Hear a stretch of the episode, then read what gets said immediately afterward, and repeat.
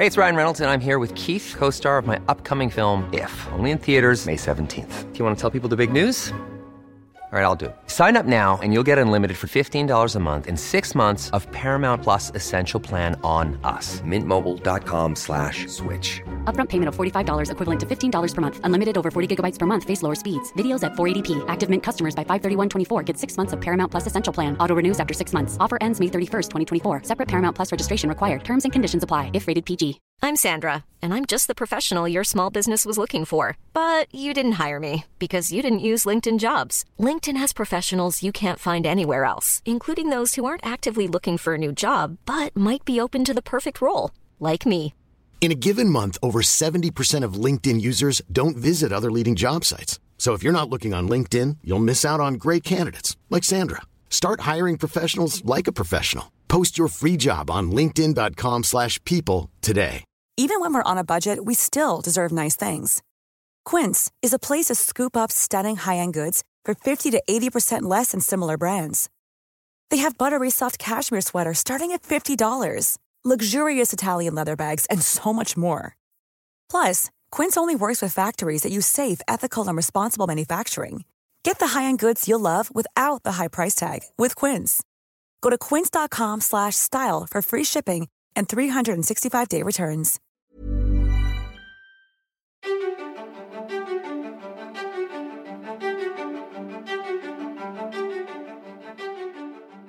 Velkommen til Ulest kristne klassikere. Podkasten der vi leser én tekst fra eh, hvert århundre i kirka si historie, med William Grosås, Peder Solberg og meg, Tore Hjalmar Seivik. I dag fortsetter vi med Ireneus mot vranglærerne.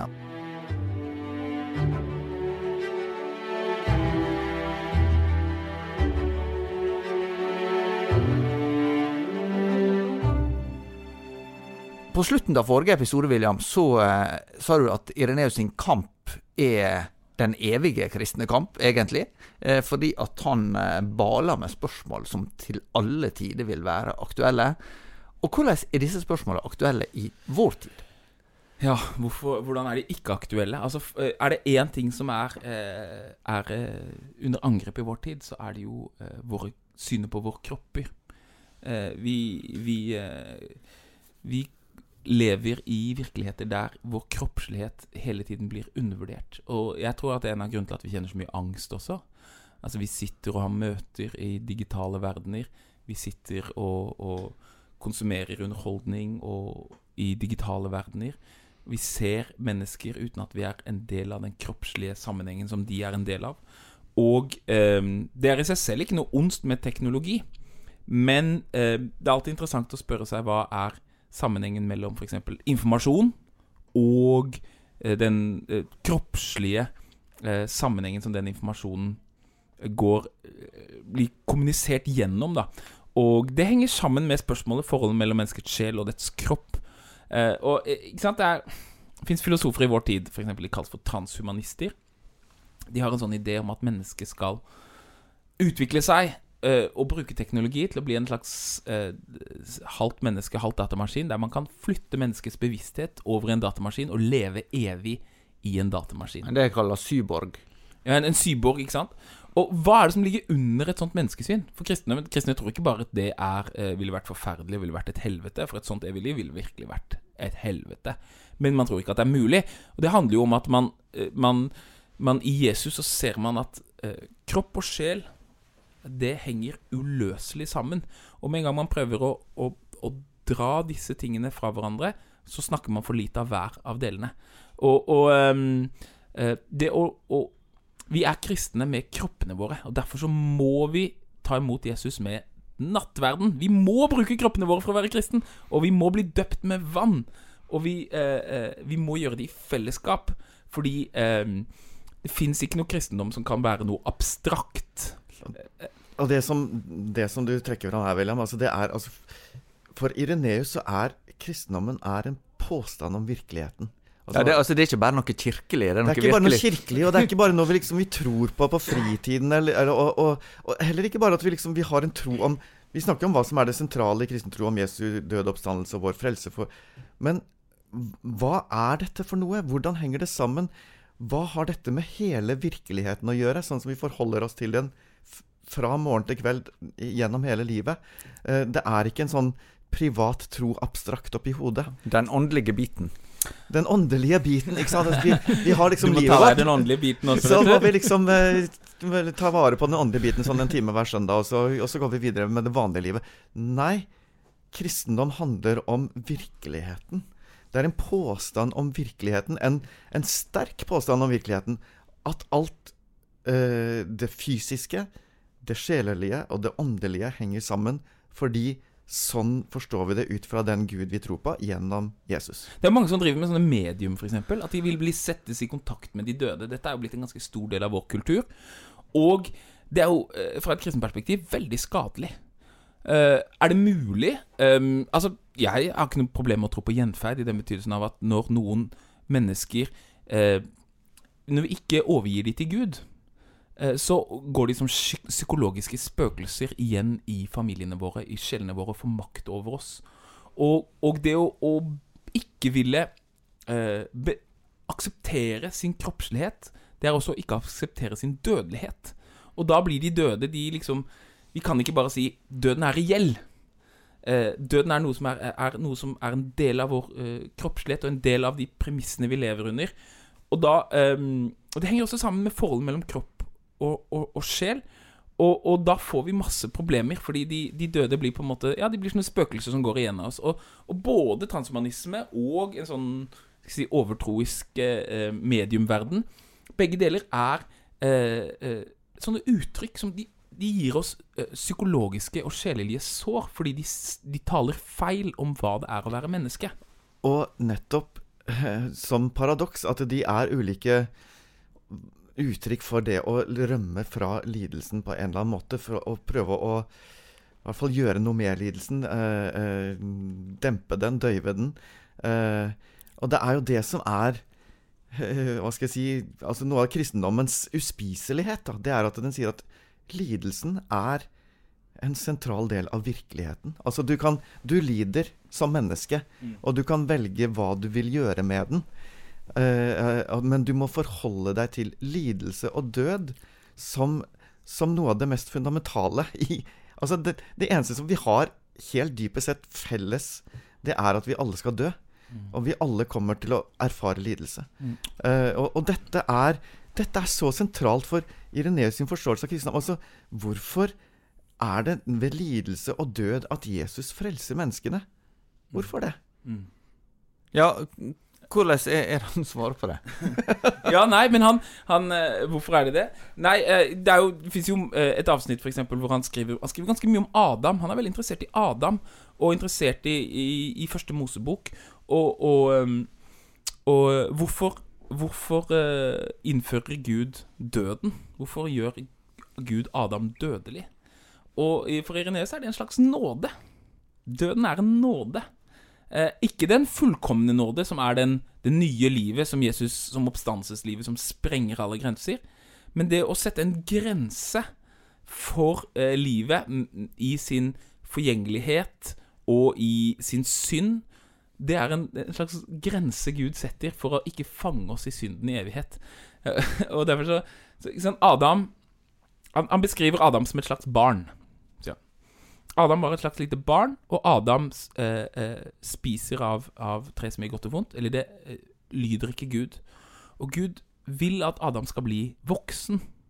Gud vil at Adam skal bli det fulle mennesket.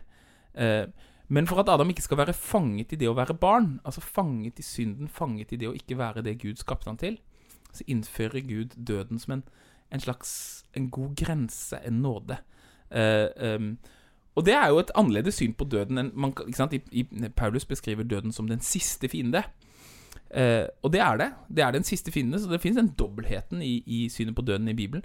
Men her må vi også skille mellom, mellom eh, biologisk død og åndelig død.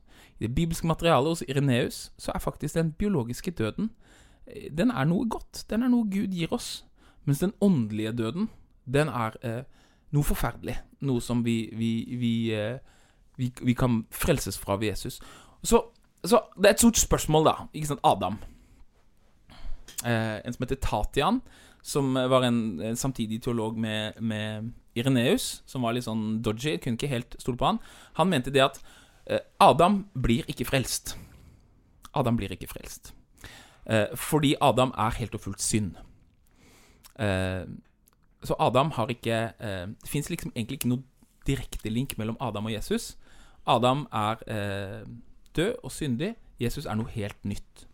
Mens Ireneus bruker ganske mye energi på å si nei. Eh, eh, Kain er helt og fullt synd. Men Adam er et barn som skal bli Kristus. Eh, så, for Adam er, i, Adam er ikke bare en person for Ireneus, slik han ikke er det, eh, bør være det for oss. Altså Hvis man er opptatt av Adam som en historisk person, så, så er man eh, Altså Ireneus eh, er ikke interessert i det, han er interessert i Adam som hele menneskeligheten. Og så sier han sånn at, at Kristus er det Adam skulle bli. Og det var alltid planen for Gud at Adam skulle bli Kristus. Så derfor er faktisk syndefallet ikke Guds plan B. Det er Guds plan A. Når man vokser, opp på, i en kirke, så lærer man Gud skapte menneskene i, i sitt bilde. Menneskene syndet. Og det skjedde noe forferdelig, og så måtte Gud fikse det. Og da, eh, da ordna han Jesus. Og så kom Jesus, og så fiksa han, og så kom du tilbake til, til, eh, til Edens hage. Mens eh, den, studiet av Johansevangeliet har gjort at Irene sier at nei. Syndefallet, til og med, var Guds plan A. Wow, kan vi si det? Synden er ikke Guds vilje. Nei. men første Nei, men Efeserbrev sier ha, Kristus skal sammenfatte alt i himmelen og på jorden. Kristus var alltid hele skapelsens mål og mening. Og Kristus er den som sammenfatter alt og tar på seg alt synden. Og selv Adams synd blir det som Jesus åpenbarer Guds herlighet med. Så jeg liker å si det. eh, Ireneus sier ikke det, men, men jeg sier at liksom Spiste Jesus av eh, treet som gir eh, kunnskap om godt og vondt? Ja, i lydighet til Faderen som spiste han alle fruktene i hele treet. Det betyr at det er ingen som mer enn Kristus har fått kjenne på det onde. Men han gjør det i lydighet til Faderen, og er det fullvoksne mennesket. Derfor så, så er Kristus er ikke bare liksom noe annet enn Adam. Han er fullkommeliggjørelsen av Adam. Så når Jesus henger på korset, så sier han 'det er fullbrakt'. Så i Ireneus sin forståelse så er det sånn Nå er mennesket skapt. Nå er mennesket Nå er Adam ferdig skapt. Ja, for, for han var ikke det i utgangspunktet. Han var, han var skapt som med et Hva skal jeg si Med den hensikt at han skulle vokse fram til det som Jesus viser hva den sanne menneskeligheten. Så, så i Ireneus sin forståelse så er ikke Jesus bare et sant menneske, men han er det første sanne mennesket. Det som Adam skulle være. Det som alt skulle peke fram mot. Og samtidig så viser han der hvem Gud er. Altså, det, så, altså dette, jeg kjenner at det er helt sånn mind-blowing å bare prøve å snakke om det, for det er egentlig for stort for vår tanke. Men, men saken er jo det at Jesus viser da hva som er det sant menneskelige, fordi han viser hva som er det guddommelige Hva som er guddommelig kjærlighet. Altså, Gud er kjærlighet, sier vi. Uh, ja, hvordan da? Al- altså, alle har en sin forståelse av kjærlighet. Alle er for kjærlighet. Men, men, men hva er kjærlighet? Det er kanskje igjen for Ireneus kristendommen er en påstand om virkeligheten, og ikke minst en påstand om hva kjærlighet er. Og den påstanden, den kan du ikke bare si. Den påstanden leves ut i Jesus fram til hans død på korset, hvor han viser Sånn er Gud. Sånn er Gud kjærlighet ved at han i fullstendig hengivenhet tar på seg alt det som den andre har eh, må, må bære, og sier 'nei, jeg tar det'. Jeg tar det.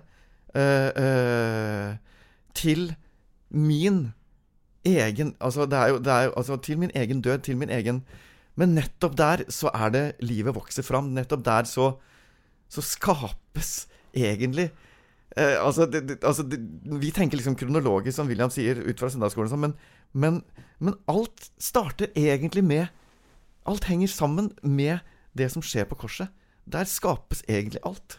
Jeg baker nattverdsbrød etter sånn eh, gammel kristen egyptisk ordning noen ganger. Eh, og da har man en, en Får du lov til det? Hæ? Får du lov til det? Yes, eh, biskop Thomas av Egypt eh, velsigner meg, så eh, Men eh, vi, Og da, da bruker vi en liturgi som er fra den, den, den egyptiske koptiske kirke.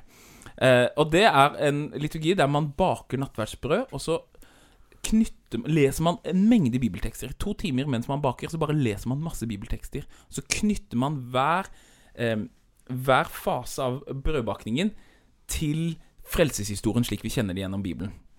Man leser Når man tar frem melet og vannet, så leser man om Gud skapte verden. Og så mens man baker og knar deigen, så leser man om israelsfolket som går gjennom i dypt, og så synder, og så om, om Og så, eh, så eh, tas brødene, og de, de, liksom, de deles ut i ulike biter. Fem biter. Og så tar man et stempel på, og så tar man og, og, og, eh, og merker brødene med en, en nagle mens man leser lidelseshistorien om Jesus. Og så legger man brødene, som da har fått et sånt Kristi-stempel på, med naglene. For da er deigen det er hele skapelsen. Og deigen som knas, det er israelsfolket. Og ut av deigen så kommer Jesus, men også alle, alle lider. Og så legges den inn i ovnen, og når man legger den inn i ovnen, hva leser man da? Jo, man leser om Jesus som blir gravlagt. Og så tar Jesus han I, i, i koptisk tradisjon så bruker de jo gjær, fordi de liksom tenker om gjæren. Eh, Og det er kanskje beslektet med dette med at Adam blir frelst. Fordi man tenker at gjæren er synden, symboliserer synden, som, som forvandles av Jesus' oppstandelse. Og så eh, eh, leser man da, når man tar ut brødene ut av graven, så leser man oppstandelsesfortellingen. Og når er brødet laget? Ikke sant? Det er laget når det tas ut av deigen. Når er skapelsen ferdig? Når Jesus stiger ut av graven.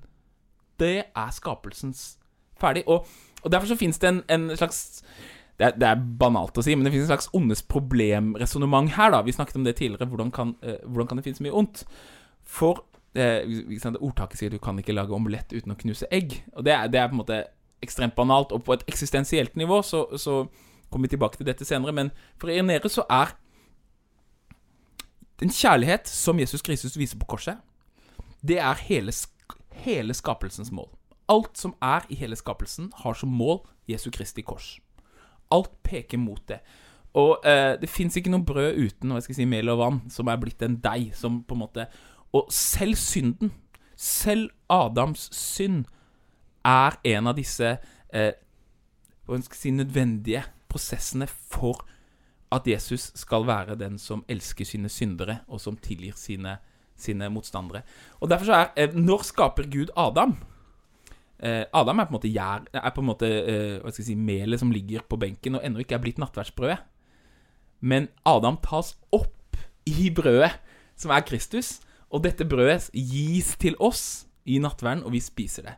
Dette er eh, eh, eh, nattverdsteologi, skapelsesteologi og ikke minst eh, forsoningsteologi, teologi, alt i en, i en enkel brødbakningsliturgi. I forrige episode William, så eh, snakka du en del om eh, Markion og hans sitt forhold til Det gamle testamentet, og ikke minst hans sitt problem. Det, altså, for, for det vi snakker om nå, det er jo egentlig løsninga på det vonde sitt problem. Eh, men han, han hadde en forståelse av at eh, Nei, men, men dette med gamle det henger ikke sammen, det. det, det dette kan ikke vi forholde oss til. Dette må vi bare få parkert, for, for her framstår Gud som ond, vil han si. Eh, og, og du sa er Gud egentlig Molok, altså den som eh, israelittene ble advart mot å, å, å, dyrke. Eh, og så vil noen si at dette her høres litt sånn brutalt ut, det du beskriver nå, hvis alt det vonde som har skjedd, er en del av, av Guds plan, egentlig. Hvordan får du til å gå sammen med, med Guds godhet? Nei, og Derfor så løser det ikke det ondes problem. Det er litt viktig å si. Ireneus sin, sin, eh, sin teologi løser ikke det ondes problem i betydelsen at vi kan aldri fra vårt perspektiv overskue helheten og si eh, eh, Nå forstår vi. Men vi kan eh, se Kristus som den lidende, og så kan vi si Ingen lidelse er utenfor Guds omsorg og Guds forsyn, og ingen lidelse er meningsløst, for Kristus lider med alt og i alle. Det kan vi si. Ja, og det er, det er viktig det du sier. Jeg tenker at vi må som kristne egentlig Altså, det finnes en del apologetikk som sier at ja, det ondes problem kan løses. Nja Nja, egentlig ikke. Altså, les Jobbs bok i Bibelen. Altså, Guds svar til Jobb er ganske sånn Altså, hva vet du? Hvor var du da jeg skapte krokodillen og flodhesten? Og, og Jobb sitter der, og altså, alt det han har opplevd ja, altså, hva, hva har krokodiller med dette å gjøre, hvis du skjønner? Altså, nei, jeg var ikke der men, men det er noe med at, at det kristne svaret på det ondes problem er det som en teolog sa til meg en gang, radikalt eschatologisk. Det vil si, vi veit ikke. Vi ser ikke helheten i dette. Det er først når alt er oppsummert ved tidenes ende, og vi ser helheten fra Guds skapelse til Og hvordan synden, som, som William er inne på, som, som, egentlig er Det er ganske heftig å si at, at Gud visste at dette skulle skje. Altså, ok, all ondskap. Gud forutså det, og Gud skulle bruke dette til, til å, uh, til å åpenbare hvem han er for oss. Men, men, men, det er litt sånn som i, i 'Brødrene Karamazov', eh, Dostojevskij, altså Ivan, som sier altså den Gud som har tillatt alt dette, vil jeg, altså, jeg vil ikke ha noe med han å gjøre. Ja. Og, og, så, så, og, og, det er egentlig ikke noe godt svar på det, annet enn en, en, en, se på Jesus og uh, uh, og tro på at det han gjør, det er det, det er det som er det egentlige, virkelige, og som en gang skal på en måte forklare alt som vi nå ikke kan se. Ja, for Jeg syns det er en tendens noen ganger til at uh, somme teologer sier ja, det er vel en mening med det, og andre sier det er ingen mening med det. Mm. Og så tenker jeg begge deler framstår litt dårlige løsninger. For ja. Det hjelper ikke på hjelper ingenting om det er sånn eller sånn. Nei. Origines har et bra uh, Som er en 200-tallsteolog. Han lever litt senere enn dette, men det er akkurat i samme ånd som Ireneus, og det er uh, Alt skjer ikke etter Guds vilje, men alt skjer etter Guds forsyn. Og det er akkurat det Ireneus sier. uh, Ireneus også sier. Altså at Adam er ulydig mot sin far, er jo ikke Guds vilje. Men det er likevel Guds plan. Og det kan jeg også si når uh, vonde ting rammer meg. Også dette skal lede meg og hjelpe til min frelse. Noe vondt skjer meg, men selv min synd skal Gud bruke uh, til å gjøre meg enda mer lik ham. Eh, ikke sant? Denne, det, det paradoksale Det er jo ikke Judas Det er ikke Guds vilje at Judas skal forråde Jesus, sånn som noen gnostikere ville si. Ja, Judas hadde en hemmelig plan med med Jesus om at han skulle forråde ham, for det var egentlig Guds vilje. Nei, det var ikke Guds vilje at Judas forrådte Jesus, men Jesus bruker Judas sitt svik til å vise Guds herlighet. Judas sitt svik blir en del av Guds forsyn. Eh, og, og eh, det er så mye i denne visjonen, i denne skapelsesvisjonen av hvorfor Jesus må dø, hvordan Jesus åpenbarer Guds herlighet, og som er på en måte hele skapelsens nøkkel og mål, som løser så mange vanskelige teologiske problemer for oss. Du, du nevnte dette med Molok. Og eh, ja, Molok er jo guden i Gammeltestamentet som krevde av israelittene at de skulle gjøre menneskeoffer. Eh, og, som, og som, aldri, som, Jeremia sier, dette har aldri vært i min tanke. Og eh, Abraham, ikke sant. Du har eh, Abraham som får, by, får bli spurt om å ofre Isak, og Gud sier nei. Og hvordan skal vi lese den teksten? Jo, vi burde lese den teksten som at dette er på den måten første gangen i historien Gud forklarer israelsfolket at det aldri har vært i hans tanke å ville menneskeoffer. Gud vil ikke menneskeoffer. Det er ikke sånn at Gud ombestemte seg. Nei, Gud har aldri ønsket det, og han forteller det til Abraham nå. Han forteller at, at, eh, at, eh, menneskeoffer aldri kan være Guds hjerte. Da, hvis man, men hvis man tar logikken fra, fra Abraham-fortellingen og så bare overfører man den enkelt på Jesus og sier at ja, men Gud trengte betaling, Gud trengte et menneskeoffer. Gud trengte et dyrt menneskeoffer, som var Jesus. Og Det er ikke det den objekt, såkalte objektive forsoningslæren senere sier. Vi skal snakke om Anselm i en senere episode, som snakker om hvordan Jesus betaler for vår synd. Og det er god kristendom. Men Gud vil ikke ha menneskeoffer. Gud er ikke en Gud som sier 'Dere har syndet. Jeg trenger at en av dere blir menneskeoffer'. Nei, Gud er i Jesus og viser at han ikke aksepterer menneskeoffer ved at han tar det på seg selv. Han aksepterer ikke at noen av oss skal bli ofret. Han er ikke Molok. Eh, men hvis vi på en, på en bokstavelig måte leser Gammeltestamentet og så lar vi det være liksom Ja, nå har vi forstått Nytestamentet i lys av Gammeltestamentet. Da kan Gud veldig fort bli en sånn Molok, for da blir Jesus offerlammet som er eh, eh, syndebukken. Og Jesus er ikke en syndebukk for Gud. Jesus er Gud selv som viser at kristne kan aldri lage syndebukker. Og det er jo noe av det, det den type lesning som det kristologiske perspektivet gir oss, som vi var inne på i stad. Altså at det er som om Gud bytter plass med det der vi trodde han var. Um, uh, at det er Gud selv som, som ofrer seg. Altså, den typologiske lesningen som, som, som Ireneus kan ha av f.eks. Abrahamsfortellingen, der, der er det jo spørsmålet Ok, hvis Jesus er Hvis Isak er et bilde på Jesus, hvem er Abraham da? Jo, han er jo Gud Fader. Altså, så, så poenget er uh, uh, Vi tenker at det er Gud som ber Abraham, men Gud er Abraham og Isak. Faderen og sønnen. Og det er Gud som uh, ofrer seg for oss, og ikke ber oss om offer for at han skal bli tilfredsstilt. Det er Gud som gir seg selv i kjærlighet, både som far og som sønn. Så, så på en måte gir han alt i kjærlighet for å redde oss. Um, uh, så hvem Abrahams gud er, det er um, Altså, det blir i hvert fall satt i et annet lys, da. Ikke sant? Ja. Uh, vi eh, skal gå litt videre når det gjelder eh, forholdet til arven som en eh, tar med seg her. For, for, noe av det som er veldig viktig for Ireneus, det er jo kontinuiteten eh, med Det gamle testamentet, yes. og at, at, dette her, det, det, henger sammen. Så er det jo et perspektiv som kommer opp med seinere teologer.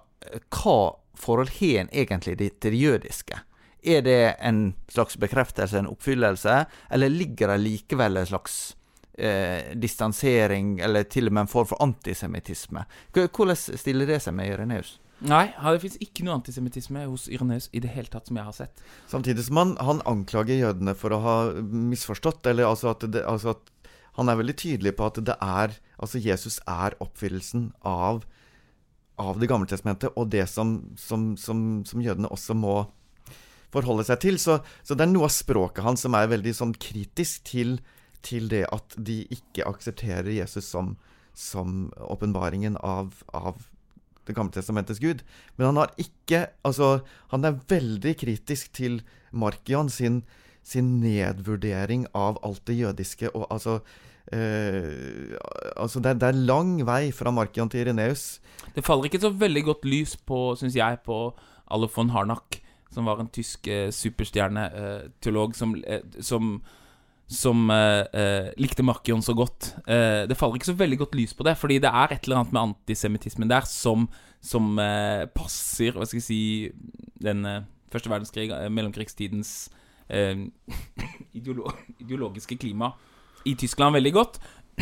som handler om at man, man tenker at det fins en eller annen sånn kjerne i kristendommen som man kan lese Bibelen Man kan kritisere Bibelen med. Ja, så, så, at du kan egentlig bruke Bibelen mot Bibelen, fordi du sier at uh, der er et, uh, et slags teologisk prinsipp. Og da blir det gjerne jødene som får skylda for det. Ja, man kan, det, man kan, lage sitt eget teologisk prinsipp. Det ja. Irenes vil si, er at jeg har ikke noe egen teologisk prinsipp. Valentinus og Markion de har sine egne på en måte definisjoner, som, eh, sånne faste rammer for hva som er kristendom. Og så sier at det som ikke er utenfor dette, det kan ikke være kristendom. Men Irenes sier at nei, det fins en dyp sammenheng mellom Skriften som helhet tradisjonen, som eh, eh, er trosregelen eller, eh, eller bekjennelsene, og eh, embetet, apostolisiteten. Og, mens den liberale teologien, da, eh, som Harnak eh, er en som taler for, den vil gjerne si nei. vi har våre ideologiske måte, briller som vi leser Bibelen på, og de sier vi at vi har fått av Jesus, og de kan vi kritisere Jesus med. Det her kommer jo senere også, når man skal prøve å redde Heidegger og si at Heidegger var ikke nazist, så sier man ja, vi, la oss lese Heidegger mot Heidegger. Eh, vi, vi, redder Heidegger ved å si at vi eh, Den tyske filosofen vil si at nei, men vi bruker Heide, prinsipper vi har funnet fra Heidegger, og så kritiserer vi Heidegger, og da kan Heidegger bli vår venn igjen. Eh, og på samme måte så er det ganske mye liberal teologi som Dag vil si ja, men, men ut av, av, Jesus har vi lært f.eks. dette her ja, Kjærlighet er kjærlighet. Eh, det har vi lært av kjærlighet. Eh, kjærligheten overvinner alt. Da kan vi bruke det til å kritisere Jesu egne ord eh, eh, tilbake på Jesus. Vi leser Bibelen mot Bibelen. Vi leser evangeliene mot evangeliene. Og det er det Markion gjør, i en litt annen kontekst. Han tar ut av eh, Bibelen det han liker, gjør det om til sitt eget eh, eh, hypotese, og så leser han den tilbake på Bibelen, og så tar han bort alt det han ikke liker av det. Ja, da ble han kvitt ganske mye. Da ble han kvitt mye. Da ble han kvitt eh, mye av evangeliene, Gammeltestamentet, og, eh, og eh, alt som ikke passer hans hypotese. Men den hypotesen er ikke eh, Den er noe nytt. Det er et sånn hovedpoeng for Ireneus. En, den kristne teologien den utvikler seg i betydelsen at den, den får et større eh, rom å, å, å boltre seg i når, når større deler av, av, av Det er mange Altså, Den hellige ånd utvikler nye måter å vise hvem Kristus er på. Men jeg sier ingenting nytt. Og, og det er det samme som meg. Jeg, jeg, jeg vil gjerne ikke si noe nytt som teolog. Eh, Kall meg gjerne synder, men jeg vil ikke være en sånn som, som lager, sier nye ting. Men, men hvorfor skal en da drive med teologi? For da er jo liksom alt eh, avklart før. Altså, Det er det vi snakker ikke. om det Ireneus, at eh, han, han får jo det meste på plass. Da, Ja. og så, så hvorfor skal en fortsette å skrive og forske? Og, og Nei, altså, men vi møter jo stadig utford nye utfordringer, og utfordringer i nye klær. Og vi må hele tiden eh, reflektere over det som er gitt oss, og forsøke å forstå og forklare det både i vårt eget liv og eh, i møte med den verden som er nå. Eh, og det er jo sånn, altså Vi var inne på hvordan Hvis vi leser eh, de to første bøkene av, av eh, Mot eh, kjeteren, eller mot eh, resin, eller hva vi nå kaller de, vranglærerne, så, så er det ganske mye der som Ok, dette, dette virker ikke veldig relevant.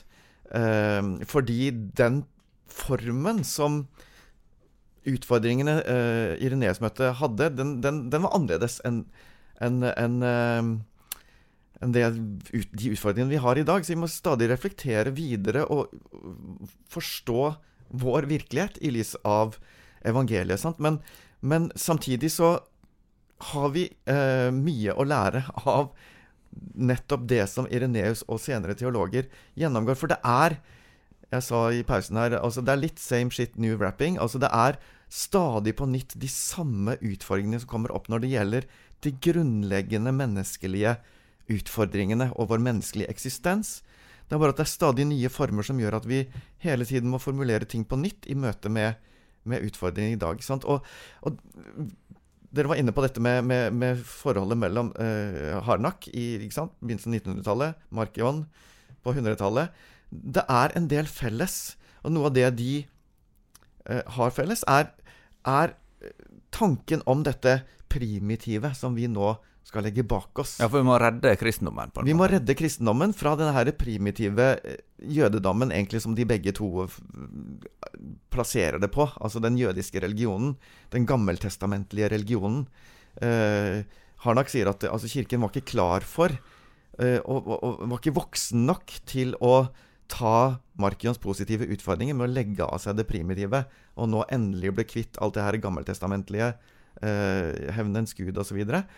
Um, eh, problemet er bare at de begge to de hopper eh, over eh, den utfordringen som Ireneus tar, og sy dette sammen og forstå hvordan Gud åpenbarer seg gjennom historien. eh, og åpenbarer seg i Jesus som en oppfyllelse av det som allerede ligger der som frø i Det gamle testamentet. Og du spurte trenger vi teologien. Trenger vi å tenke nytt? Ja. Det er ikke nok å, å, å bare liksom presentere Og det er det Ireneus viser. Han setter seg grundig inn i vranglærerne, og han viser at jeg skal bruke de ressursene jeg har, til å gjendrive dette. Og eh, vranglærer utvikler teologien. Det har vi sett gjennom hele historien. Mm. Eh, alle de store eh, eh, teologiske verkene er skrevet i, i situasjoner der det oppstår vranglære. Em, og det er egentlig beslekta med den eh, ideen som jeg eh, snakket om tidligere, at, at eh, synden vår viser Guds herlighet enda mer. Så er det en beslekta tanke at, at vranglæren viser troens skjønnhet desto mer. Og hver generasjon har sine eh, eh, vranglærer, sine Og teknologien i vår tid. Eh, det å, å finne et, et kristent forhold til teknologien som ikke avviser teknologi altså, Bibelen er ikke mot teknologi. Eh, Nattverdsbrødet det er jo gjær som hever. Det er teknologi. Vin som vi bruker i nattverden, det er teknologi. Det er ikke, no, det er ikke et eple og vann. Det er til og med bioteknologi. Det er, det er teknologi. Ja. og, og, og så derfor så er det ikke noe sånn Vi kan ikke bare liksom si ja, men de brukte ikke teknologi på 200-tallet, eh, og derfor kan ikke vi bruke teknologi. Eh, nei, vi kan ikke bruke datamaskiner for det. Det, holder ikke. Men disse utfordringene som vi finner f.eks. fra transhumanismen, er en utfordring for oss de kristne til å bruke de ressursene og eh, som, som fins i både en tradisjon, i, i, i Skriften og, og eh, også fornuften, og, og, og, vise hvordan troens skjønnhet eh, eh, er bredere og rikere og eh, sunnere enn dets alternativer. Du, du var jo inne på det tidligere, William, med, med det digitale som en sånn allmenn utfordring. Men en del vil jo kanskje spørre vårt ja, men kan ikke vi begynne å feire gudstjeneste også digitalt? Fordi at eh, nå er det mulig å samles på, på tvers av landegrenser og, og tidssoner og alt mulig. Så, sånn at eh, vi kan jo nå kjempelangt ut. Vi hadde jo en eh, sånn eh, hva skal jeg si, testperiode, nesten sagt, hvor vi alle måtte eh, Altså i periode i hvert fall mer eller mindre unngå å samles i, under pandemien for noen år siden. Eh, og jeg tenker at nettopp den eh, perioden der viste hvor viktig det er at vi samles fysisk. Eh, for det er også noe grunnleggende med Igjen, altså Kristendom er en påstand om det menneskelige, og en av kristendommens er, påstander er at vi er fellesskap. Vi er ikke individer, vi er fellesskap. Altså, selvfølgelig er vi personer. Vi er øh, Jeg er Peder, William, Tore Hjalmar. Ikke sant? Vi, vi er personer, men vi er ikke individer isolert. Og vi, øh, vi er fellesskap som er avhengig av hverandre, også når det gjelder det kroppslige. Ja, og, og det å være kristen er ikke bare å, å si seg enig i en eller annen sannhetspåstand. Nei, og det er øh, Når vi kommer til martyrene, som vi skal snakke mer om i se- senere episode, så, så, så er det jo dette at øh, øh, Noe av det som romerne ville ha slutt på, var at de kristne samla seg. Altså De kunne jo tenke hva de ville hjemme i sine hus, det var ikke så viktig for romerne. Men at de samla seg og feira gudstjeneste, det var et problem. Men det kunne de ikke slutte med. De måtte feire gudstjeneste sammen, fordi det er en grunnleggende del av det å være et kristent menneske. Det er å møtes, det er å forplikte seg på fellesskapet. Eh, ehm, ja, så, så, så, så, så eh, eh, Igjen så er på en måte den kristne gudstjenestefeiringen er en sånn eh, Det er en påstand om at dette er noe vi trenger. Dette er noe menneskelig. Det at vi møtes, det at vi feirer sammen, det at vi blir ett gjennom at vi spiser det samme brød osv. Det er ikke bare sånn at vi har noen fine tanker rundt det, men det er, det er konkret, det er reelt. Hele virkeligheten henger sammen. Kan vi gå tilbake til bare en gang til med dette med hvordan Ireneus forstår forholdet mellom skapelse og frelse, eller hvorfor Jesus må dø? For en metafor Jeg har liksom tenkt veldig grundig på dette. Hva, hva, hvordan skal vi forstå eh, Fins det noen moderne bilder vi kan bruke på hvordan dette, eh, hvordan dette fungerer i Ireneus teologi? Og eh, ikke sant? Gud skapte mennesket i sitt bilde. Hva betyr det? Og det kan man undersøke fra historisk perspektiv. Hva mente de som skrev det? Hva mente jødene? Hva mente Men for Ireneus så betyr det at mennesket er skapt til å bli Kristus. Det er det det betyr. At man er skapt i Guds bilde. Vi skal bli guder. Dere er guder. At vi skal bli som Jesus Kristus, som er jo Gud. Vi skal bli eh, hans sønner og døtre. Vi skal bli adoptert av han. han. Han siterer Paulus mange ganger der. Og Et bilde jeg har brukt på å prøve å forklare hvordan dette er i Renés teologi, det er at sant, I gamle dager Jeg hadde det på skolen, på, på ungdomsskolen, så lærte jeg gammeldags fotokunst. Og når man tok bilder i gamle dager, man, før digitaliseringen, så var det sånn at man hadde en liten filmrull inni en liten hylster i kamera. Så tok man det ut. Og så måtte man ta dette, denne filmrullen, som besto av negativer. Så tok man disse negativene inn i et mørkt rom. Og så måtte man være veldig nøye på at ikke lyset ble eh, At ikke det kom eh, eh, forurensende lys på eh, negativet, for det ville ødelegge det. Fordi lys fremkalte bildene. Derfor måtte du ha det i et mørkt rom, og så måtte du ha det riktige lyset på negativene for å fremkalle bildene. Og for Ireneus så er det at vi er skapt i Guds bilde, det betyr at vi har negativer i oss. Altså Guds avbilde i oss, Guds ikon i oss, som er der for at de skal fremkalles. Men det fins masse forstyrrende, forurensende lys som prøver å fremkalle disse bildene. Det kan være eh, menneskers forventninger til meg. Det kan være eh, synden. Det kan være verden. Jeg vil at Peder skal være sånn. Jeg vil at Tore Hjalmar skal være sånn. Mine foreldre ville det. Synden vil det. For jeg prøver å skape meg selv. Jeg prøver å fremkalle meg selv. Men det som må til for at bildene skal fremkalles, det er at eh, mine negativer må tas inn i graven. I Jesu grav. Der alle andre lys er døde. Alt er dødt. Det er bare mørket. Og inn i dette mørket som fins i Jesu grav, så kommer det et nytt lys, som er oppstandelseslyset. Og dette oppstandelseslyset det fremkaller mine negativer til at jeg blir et avbilde av Kristus. Uh, Ireneus har en one-liner uh, som oppsummerer ekstremt mye av måten han tenker på. Han sier Guds ære er et levende menneske, og menneskelig liv er å skue Gud. Uh, det er en sånn one-liner. Hva, hva, sa du nå? men La oss ta det første. Guds ære er et levende menneske. Et levende menneske. Også det må vi forstå i lys av Jesus. Altså Gud la sin ære i altså Det står det allerede i, i Salmenes bok. Altså hvem Altså den der eh, Salme 8, hvordan Altså hva er jeg, et menneske? At du har Ikke sant? Ser til meg. Det er den opplevelsen av som mennesket har, at vi har en spesiell rolle. Og det er det som sies i skapelsen. ikke sant? Gud skapte mennesket i sitt bilde, men med den hensikten som William er inne på, at mennesket skal bli fullt levende. Fullt ut levende. Og hvordan blir vi det? Jo, ved å leve i fullt umiddelbart fellesskap med Gud på en sånn måte at vi blir ett med Han. Ikke sant?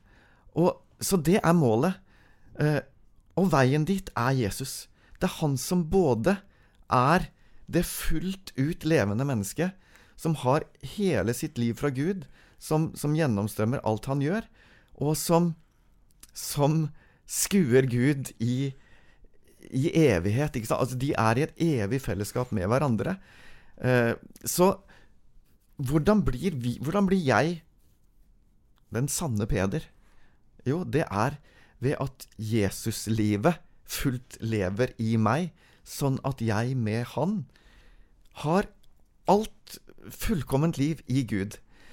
Eh, og det er denne, det er denne liksom Altså tanken om at jeg kan bli mer meg sjøl ved å velge min egen vei, vekk fra Gud. Men, men det, det, kan høres litt abstrakt ut. Hva ja. kan det bety sånn helt konkret i det hverdagslige? Eh, hva betyr det i det hverdagslige? Det betyr at eh, jeg i mitt liv, slik jeg lever med min barn, med min kjedelige jobb, med min uh, Jeg har stein i skoen, og jeg har en bulk i bilen, og Hoste litt, da. Hoste litt, ja. Jeg tror jeg fikk det for deg for noen uker siden. Ja. Jeg har en unik måte jeg kan vise verden hvem Gud er. Jeg er en Kristus. Kalt til å være en Kristus. Men som det, det, det, dette høres jo helt eh, Det høres ut som vranglære seg sjøl. Det, det, er, ja. det fins ingen andre som kan vise Gud slik jeg gjør det. Og Gud har kalt meg og skapt meg til det. Og Altså, det, du ligger Ja, jeg, det høres ut som vranglære, fordi vi liksom Hva? Men når Jesus sier 'dere er guder', han siterer Gammeltestamentet, så, så pusher han den grensen der. For, han, øh, for han, han, prøver på en måte å si at vi blir sønner og døtre lik Jesus er sønn og døtter. Og, og det betyr at jeg, med min, alle mine svakheter, alle mine problemer, jeg skal vise Guds herlighet for verden. Guds ansikt for verden. Det kan ingen andre gjøre på den måten. Og jeg skal tro på det. Og den eneste måten jeg kan gjøre det på, det er at jeg etterligner Jesus i hans fullkomne overgivelse til Faderen. Så derfor, når jeg er i Jesus, så blir jeg hans eh, Så blir jeg også Guds sønner og døtre. Og derfor så trenger ikke jeg å bli jeg trenger ikke å sammenligne meg med noen. Jeg trenger ikke å være misunnelig med noen. Jeg trenger ikke å tenke åh, jeg skulle ønske at jeg var like eh, pen eller like flink eller sånne ting. Fordi eh, jeg er skapt til å vise verden Gud med min helt unike person. Og det er jo altså det, jeg også liksom Man steiler litt. Dere skal bli Kristus. I, ja, altså for Det er nettopp det vi må presisere hva vi mener med det. Og, Ja, for, for det er jo forskjell på, på å bli Kristus lik og bli Kristus sin likemann. Ja, ikke sant? Så, så, men allerede i ordet kristne så har det har noe med, med ikke sant? Hvem vi skal være, hva vår identitet er. Og Paulus bruker disse begrepene om og om igjen. I, jeg i Kristus og Kristus i meg. Eh, så forskjellen, den store, avgjørende forskjellen mellom eh, oss og Jesus, det er at Jesus er Gud av natur. Og vi blir Gud lik bare gjennom Jesus, som deltakere i det livet som vi mottar fra Han. Det er ikke noe vi har i oss sjøl, for vi er skapt. Han er uskapt. Han er Gud. Eh, men vi, vi får Altså, som det står i eh, Er det andre Peters brev det står? At vi skal få del i guddommelig natur. Ikke sant? Altså vi Første Peters brev. Ja. Andre ja. Eh, mm. men, men, men, men eh, anyways, altså det, det er store ting her. Konkret ned til det daglige så handler det egentlig ikke om liksom at det, Ja, nå skal jeg liksom pumpe meg opp til å være liksom, Hvordan skal jeg være Gud i dag? Eller altså det, det, er, det er nettopp det motsatte. Det er hvordan kan jeg overgi dette livet jeg nå har, med bulken i bilen og, og krangel med barn eller, eller vanskelig på jobben. Hvordan kan jeg overgi dette til Gud, sånn at det livet jeg lever, mottar sin næring fra Gud, og ikke fra hvordan jeg vil fikse ting sjøl? Det, er- det er nettopp det at jeg lar At jeg overgir dette livet til Gud. At jeg på en måte åpner opp for at her kan det skje noen ting. Her kan faktisk livet fra Gud få sitt uttrykk gjennom lille meg. Guds ære er det levende mennesket. Og det er en ære for Gud at han ikke har skapt bare slaver, eller har skapt eh, mennesker som er, er eh, underlagt sin, eh, sine begjær eller underlagt sine drifter. Gud skaper mennesker som han kan gå i, i relasjon til. De er levende mennesker, og de kan si ja til Gud. Og derfor så kunne Gud ha skapt verden på en måte som bare Kristuser fra starten av. Han liksom antyder Ja, Gud er jo fri, på en måte, men Gud vil skape levende mennesker. Mennesker som kan si ja til Gud. For det er hans store ære. Jesus sitt dype ja til Faderen, og alle som i ham sier ja til Faderen, det er Guds ære. Det er noe vakkert, noe som er større enn alt annet, for det er det som er kjærlighet. Skal dette ha skapt spørsmål hos deg, så kan du komme med dem eh, da vi skal spille inn eh, vår live-episode på Lagshuset i Bergen 30. november og klokka 19. Og skulle det ikke passe, så kan du sende en mail. Tore.krøllalfa.dagen.no, så skal vi etter hvert komme tilbake til de spørsmålene vi får inn. Du lytter til en episode av Ulest kristne klassikere, en teologipodkast fra NLA Høgskolen og avisa Dagen. Vi høres igjen.